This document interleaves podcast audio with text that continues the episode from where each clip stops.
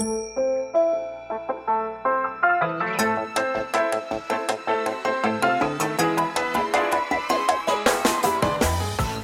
lieve luisteraars, welkom bij de Stories of Inspiration podcast van What's Your Story.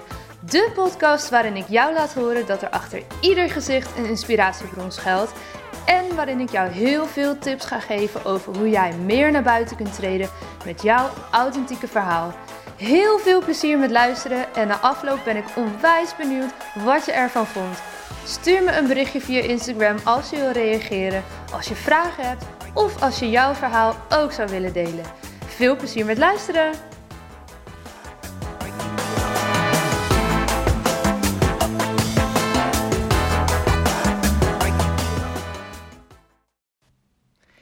In deze podcast een opname van een van de spoken word avonden van de Stories of Inspiration spoken word avonden in Groningen, waar Lieve ten Duis spreekster was. Zij heeft een eigen schoenenboutique, Mary Jane Schoenenboutique in Groningen. En is zelf van fast fashion girl naar fair fashion gegaan. Hierover heeft ze in een half uur verteld tijdens de Spoken Word avond. En dit deelt ze nu ook met jullie via de podcast. Het is dus een opname van deze Spoken Word avond. Waardoor het geluid misschien iets anders is dan je gewend bent. Maar daarmee wordt het verhaal echt absoluut niet minder inspirerend. Ik vind het super interessant hoe zij vertelt over uh, zowel fast als fair fashion. Dus als je daarin geïnteresseerd bent, is dit echt een podcast voor jou. En um, ze komt ook met een heleboel getallen over hoeveel liter water gebruikt wordt voor bepaalde kledingstukken en nog veel meer. Um, ik vond het shocking om te horen, hoewel je het ergens natuurlijk wel weet, is het echt goed om dit dan weer eventjes gespiegeld te krijgen van hé, hey, waar zijn we eigenlijk mee bezig en hoe kan je daarin zelf jouw keuzes maken. Nou, Lieve neemt je daarin mee in deze podcast. Dus ik zou zeggen heel veel luisterplezier. Hier is Lieve ten Duis. Van Lieve, ze heeft haar eigen prachtige schoenenboutique in de stad. En dat is ook niet zomaar tot stand gekomen van fast fashion girl. Ik stond ook vanmiddag voor de kast en dacht, oh verkeerd, wat ga ik nu doen? ik, uh, dat heb ik jou van je eens verteld, maar mijn afstudeerscriptie was bij de Schone Klerencampagne. Die heel erg bezig zijn met uh, fair fashion. En in die tijd durfde ik ook echt bijna geen winkel meer in. En zeker niet de H&M. Nou, de Primark durf ik nog steeds niet in. Ik weet niet wat nou erger is, maar...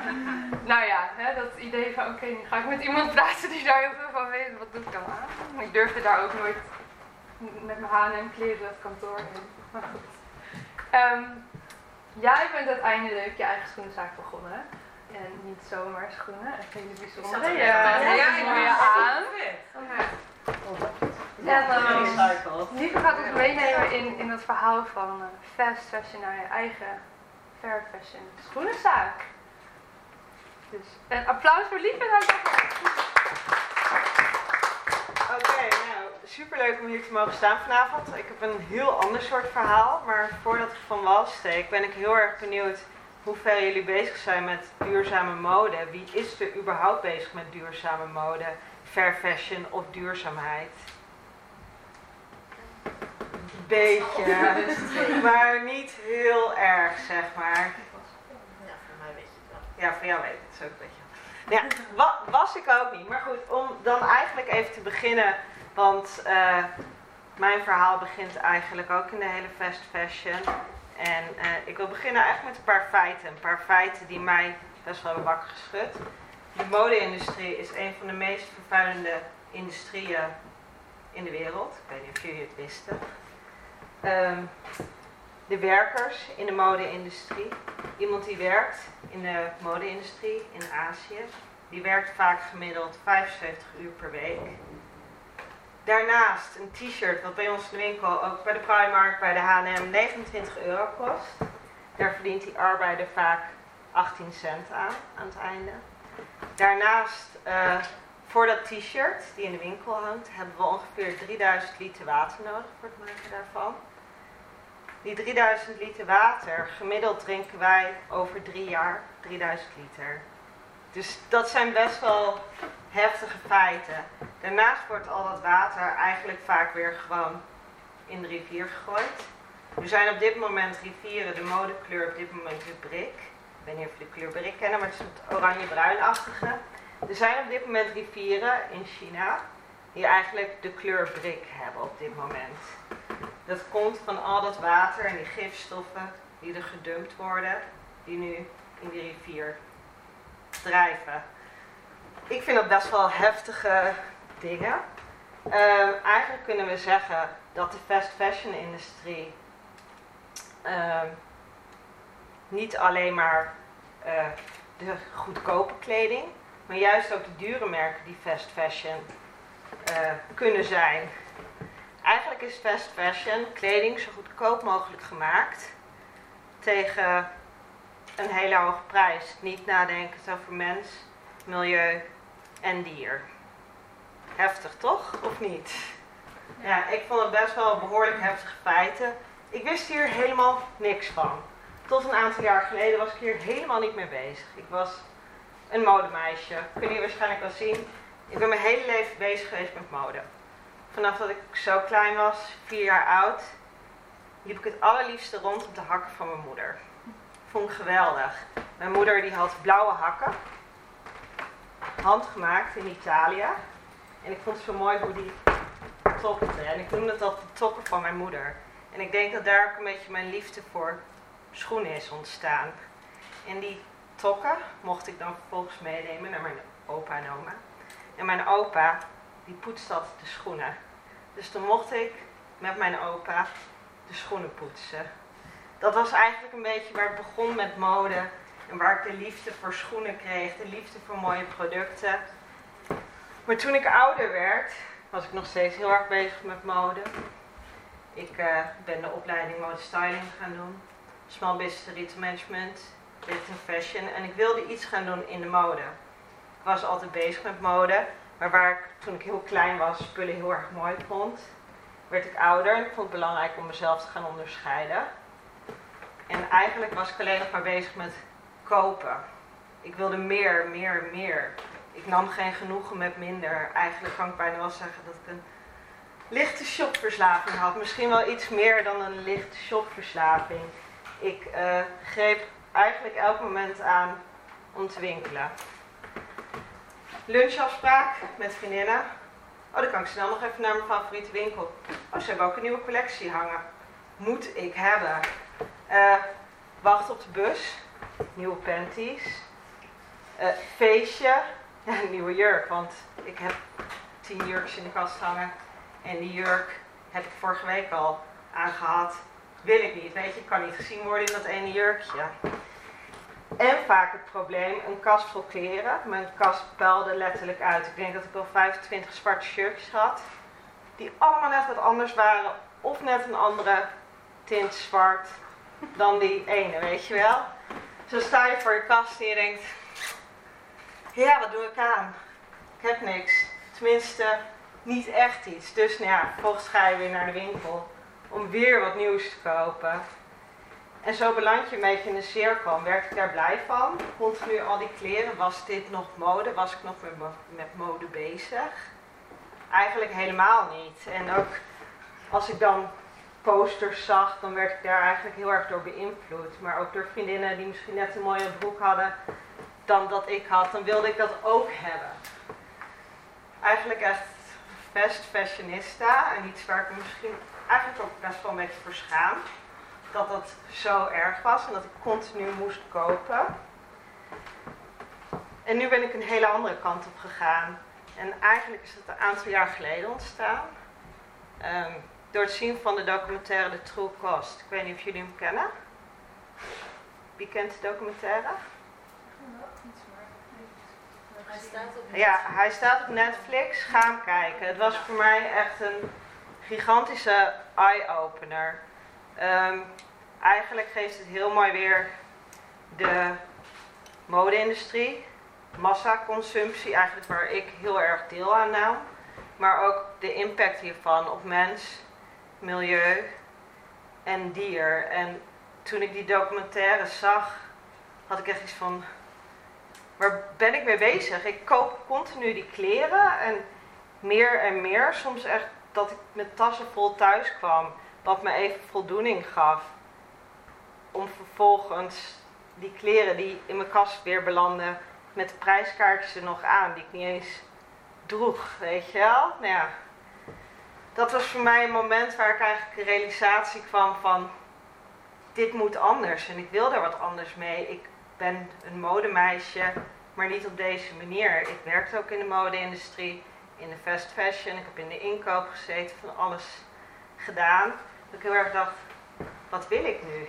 Hoe wil ik nu verder? Ik wil verder in de mode, maar niet op deze manier, niet ten koste van anderen. En nou ja, daar stond ik dan heel erg van welke kant wil ik op. Uh, op dat moment had ik besloten om even naar Vietnam toe te gaan met mijn vader, ook weer op reis. Ook gewoon eens na te denken van hé, hey, wat wil ik? Op mijn werk ging het niet zo goed. Dus samen met mijn vader besloten om even lekker met z'n tweeën weg te gaan. Ook rust aan mijn hoofd. En gewoon te genieten, na te denken. Maar ook gewoon even samen te zijn met de familie. Dus naar Vietnam toe met z'n tweeën. En uh, ik stond op Schiphol, het ging niet zo goed op het werk. Het bedrijf waar ik voor werkte zat tegen een faillissement aan. Maar we hadden iets van, het komt wel goed. Toen werd ik gebeld door Nardia, mijn uh, zakenpartner nu. En die belde, die zegt, uh, ik was letterlijk aan boord en die belde, lief, als ik jou was, zou ik even gaan zitten. Nee. Ik zei, oké, ik ben aan boord, ja, ga maar even zitten. Bedrijf failliet. Dus daar stond ik, met het telefoontje onderweg naar Vietnam. Dus ik zeg, pap, ik ben werkloos.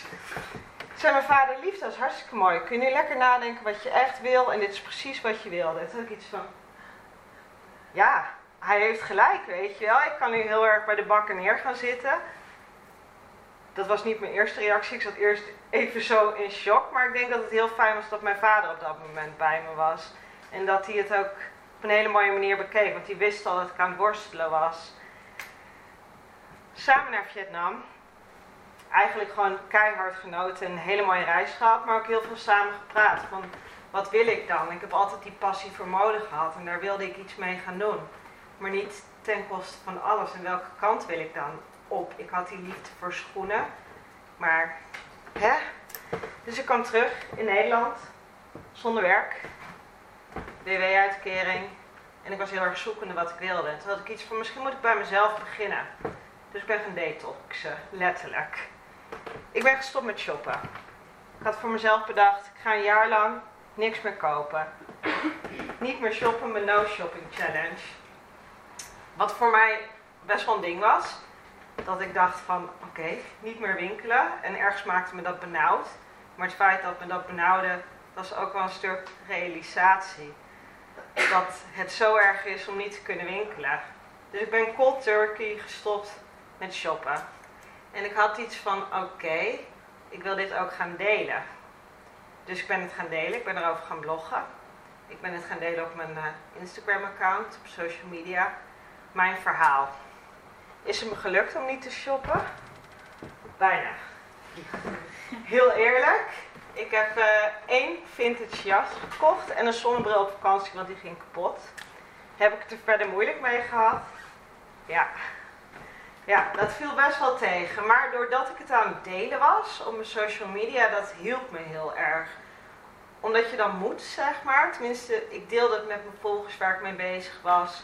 Maar ook mijn struggles. Ik was op een gegeven moment, ik denk dat jij dat wel weet, vriendinnetje. Mijn uh, nicht ging trouwen en er viel een uh, uitnodiging op de deurmat. En je raadt het al, dresscode. Nou ja, dresscode was feestelijk, maar niet in zwart. Vroeger was mijn eerste gedachte, yes, winkelen, weet je wel. Waarschijnlijk had ik meerdere jurken gekocht, gewoon omdat ik iets wilde. En nu moest ik op zoek naar een andere oplossing, want ik heb heel veel zwarte jurkjes in mijn kast hangen. Maar geen feestelijke cocktailjurk in kleur. Toen was het, oké, ga ik nu doen? Dus ik ben eigenlijk gaan zoeken naar een oplossing. Ik ben gaan kijken, je hebt kledingbibliotheken. Maar ik dacht, ja, waarom ga ik niet shoppen bij vriendinnen in de kast? Dus uiteindelijk uh, heb ik de bruidsmeisjesjurk van de bruiloft van mijn zusje... heb ik aangehad op de bruiloft van mijn nicht.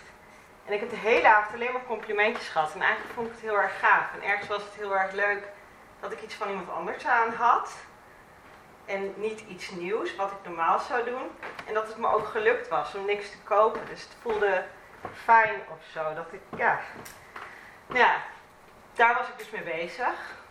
Ondertussen was ik me steeds verder aan het verdiepen in die duurzame modewereld. Want nou ja, ik had geen werk, was een beetje aan het bijwerken, ZZP-klusjes. Ik ben me verder gaan verdiepen. En toen ben ik workshops gaan geven op scholen, op mbo-scholen, over de mode-industrie. Uh, jongeren laten ervaren wat het is om in een sweatshop te werken. Maar ook het ontstaan van de fast fashion industrie. Dus eigenlijk het ontstaan van uh, hoe mode van een luxe product naar een wegwerpartikel is gegaan. Want dat is eigenlijk gebeurd. En ik vond het heel leuk om die jongeren bewust te kunnen maken. Om daar iets mee te doen. Om mijn verhaal ook met hun te kunnen gaan delen. En ook heel erg leuk om te zien, heel veel jongeren hebben geen flauw idee ervan. Maar op het moment dat je ermee bezig bent en ze het vertelt, zit ze ook... Oh ja, als ik de volgende keer wat koop, dan ga ik kijken waar het vandaan komt, weet je wel. Dat je daar al iets kan aanwakkeren. Maar dat gaf me niet de voldoening die ik wilde. Want ik wilde ook meer met die mode gaan doen. En uh, dat ik niet ging shoppen is niet dat ik tegen winkelen ben. Helemaal niet. Maar dit was voor mij een manier om zeg maar te gaan ontdekken hoe ik verder wilde. En eigenlijk, dat kleine meisje die van schoenen hield, zeg maar, die uh, was er nog steeds. En schoenen is eigenlijk altijd mijn grootste liefde geweest, mijn grootste passie. En ik heb eigenlijk ook altijd al mijn eigen winkel willen hebben. Dat is iets wat ik altijd in mijn hoofd heeft gezeten, maar wat ik misschien ook niet echt uit durf te spreken. Wat jij net ook al zei, uitspreken. Dus ik ben dat gaan uitspreken naar mijn vriend, nu, nu mijn man, we zijn net getrouwd. En uh, naar mijn zusje, van luister, wat vinden jullie het idee als ik nou voor mezelf ga beginnen? En zo is dat balletje langzaam groter geworden en ben ik daar verder over na gaan denken van, ik was wat zoekende van wat wil ik dan? welke kant wil ik dan op? Ik wilde iets met die duurzame mode. Iets eigenlijk dat het product weer centraal staat. Maar hoe dan verder? En toen moest ik ook heel erg aan mijn oma denken. Mijn oma die, uh, heeft mij ooit een jas gegeven toen ik 18 werd. Ik ben nu 33, dus dat is 15 jaar geleden. En mijn oma die zei altijd: Lief, je kan beter iets goeds hebben, een mooi product, daar doe je jaren mee, dan dat je troep gaat kopen. En die jas van mijn oma, die draag ik nog steeds. Dat is eigenlijk wel mijn lievelingsjas, een leren jas. Ik weet dat die toen 300 gulden was. En ik had echt heel veel geld vond. Maar die kreeg ik van mijn oma. En daar moest ik ook elke keer weer aan denken. Dat wat mijn oma zei, goede producten, iets moois. En dan mijn leren jas. En dan die liefde voor schoenen. Nou ja, dat was een beetje 1 en 1 is 2. Maar ja, hoe dan, weet je wel? Dan ga je een schoenenzaak beginnen. Alleen, nou, dat doe je niet zomaar. En dat is super spannend. En hoe ga je dat doen? Hoe zie je het voor je? Ik had iets van, dat wil ik niet alleen. Ik wil het samen met iemand doen. Iemand waar ik op terug kan vallen, maar ook iemand die mij snapt. En ik had eigenlijk meteen in mijn hoofd wie dat moest zijn. Ik heb zelf een mode-business achtergrond. Maar Nardia, een ex-collega van mij, is footwear designer. En die houdt net zoveel van schoenen als dat ik dat doe maar zij zit veel meer in het ontwerpen. Dus ik heb Nardia gebeld. Ik zeg, nou, we moeten gaan lunchen. En Nardia was heel erg druk met van alles. Ja, nee, dat komt wel. Ik zeg, nee, we moeten afspreken. zo gezegd, zo gedaan. Wij afgesproken. En ik heb eigenlijk de bom bij haar gedropt. Stel dat wij samen een zaak gaan beginnen. Een schoenenzaak. En normaal gesproken is Nardia best wel terughoudend. Dus dat was voor mij ook wel een goed referentiekader.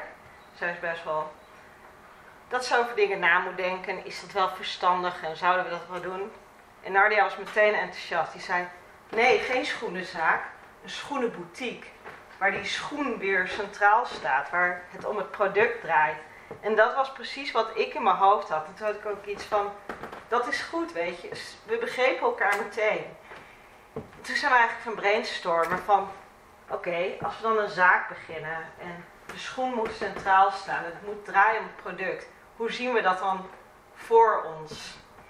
Nou ja, eigenlijk zagen we een soort wondere wereld van de schoen. Klinkt heel raar.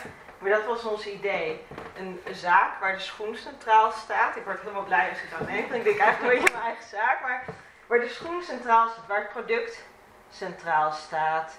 Ehm, maar ook een beetje geïnspireerd op het warenhuis van de jaren 20.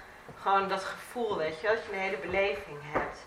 Maar ook een schoen uh, niet iets wat vervangbaar is, maar een product waar je van gaat houden. We hebben meteen gezegd, als je bij ons een schoen ziet, moet je een wauw momentje hebben. Het gevoel van, daar wil ik in investeren. Een schoen die je keer op keer wil dragen, uh, maar ook wat je wil opknappen. Waar je de zolen van wil laten vervangen, waar je moeite in wil steken. Niet een product wat je in de kast zet en wegstopt. Nee, echt dat. Dat was wat we wilden.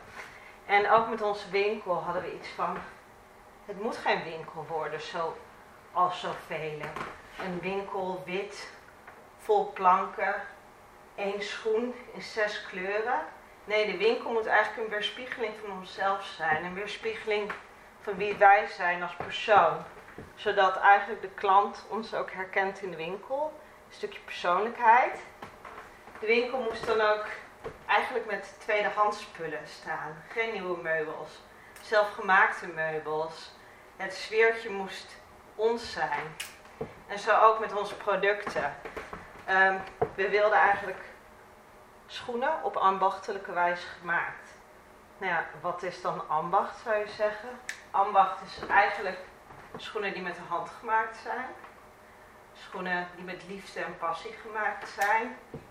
Schoenen waar echt die aandacht in zit. Gewoon een schoen waarvan je iets hebt wat met mensenhanden gemaakt is en geen massaconsumptie. We wilden juist met die kleine merkjes werken. Schoenen die in kleine fabriekjes gemaakt worden in Italië, Spanje, Portugal, waar de oma nog in de fabriek rondloopt. Dat wilden we. Dus wij hebben echt de stoute schoenen aangetrokken. Gebeld, gedaan, op zoek gegaan naar die kleine fabriekjes, naar die mensen, in gesprek gegaan met mensen. En gaan zoeken van wat past bij ons, wat, wat past bij ons als winkel, als ons idee. En daar zijn we nu, Mary Jane Schoenenboutique. We zijn uh, twee jaar geleden begonnen. En, twee jaar alweer? Ja. Ja, twee jaar geleden. Wij, uh, eigenlijk kan ik nu zeggen dat bijna al onze collectie bestaat uit Europese maak. Uh, Spanje, Portugal, Italië. Maar we zijn ook bezig met uh, niet alleen een stukje ambacht, maar ook nieuwe materialen. Vegan is natuurlijk nu heel erg iets wat heel belangrijk is. Ik ben zelf best wel voorstander van leer. Waarom? Leer is een heel duurzaam product. De jas van mijn oma. Ik denk dat als leer op natuurlijke wijze gelooid is, dan zijn er geen chemicaliën aan toegevoegd dat het een heel mooi product is, wanneer het als restafval is. Vegan zijn wij ook mee bezig. Heel veel mensen denken, oh vegan, overal staat vegan op tegenwoordig, bij de H&M, noem maar op. Dat eigenlijk als je dat koopt, dat je goed bezig bent. Maar heel vaak is vegan niet eens duurzaam. Dat staat helemaal los van elkaar.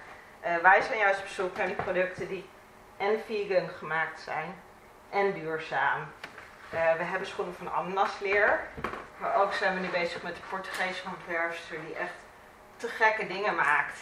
En die uh, continu op zoek is naar nieuwe materialen.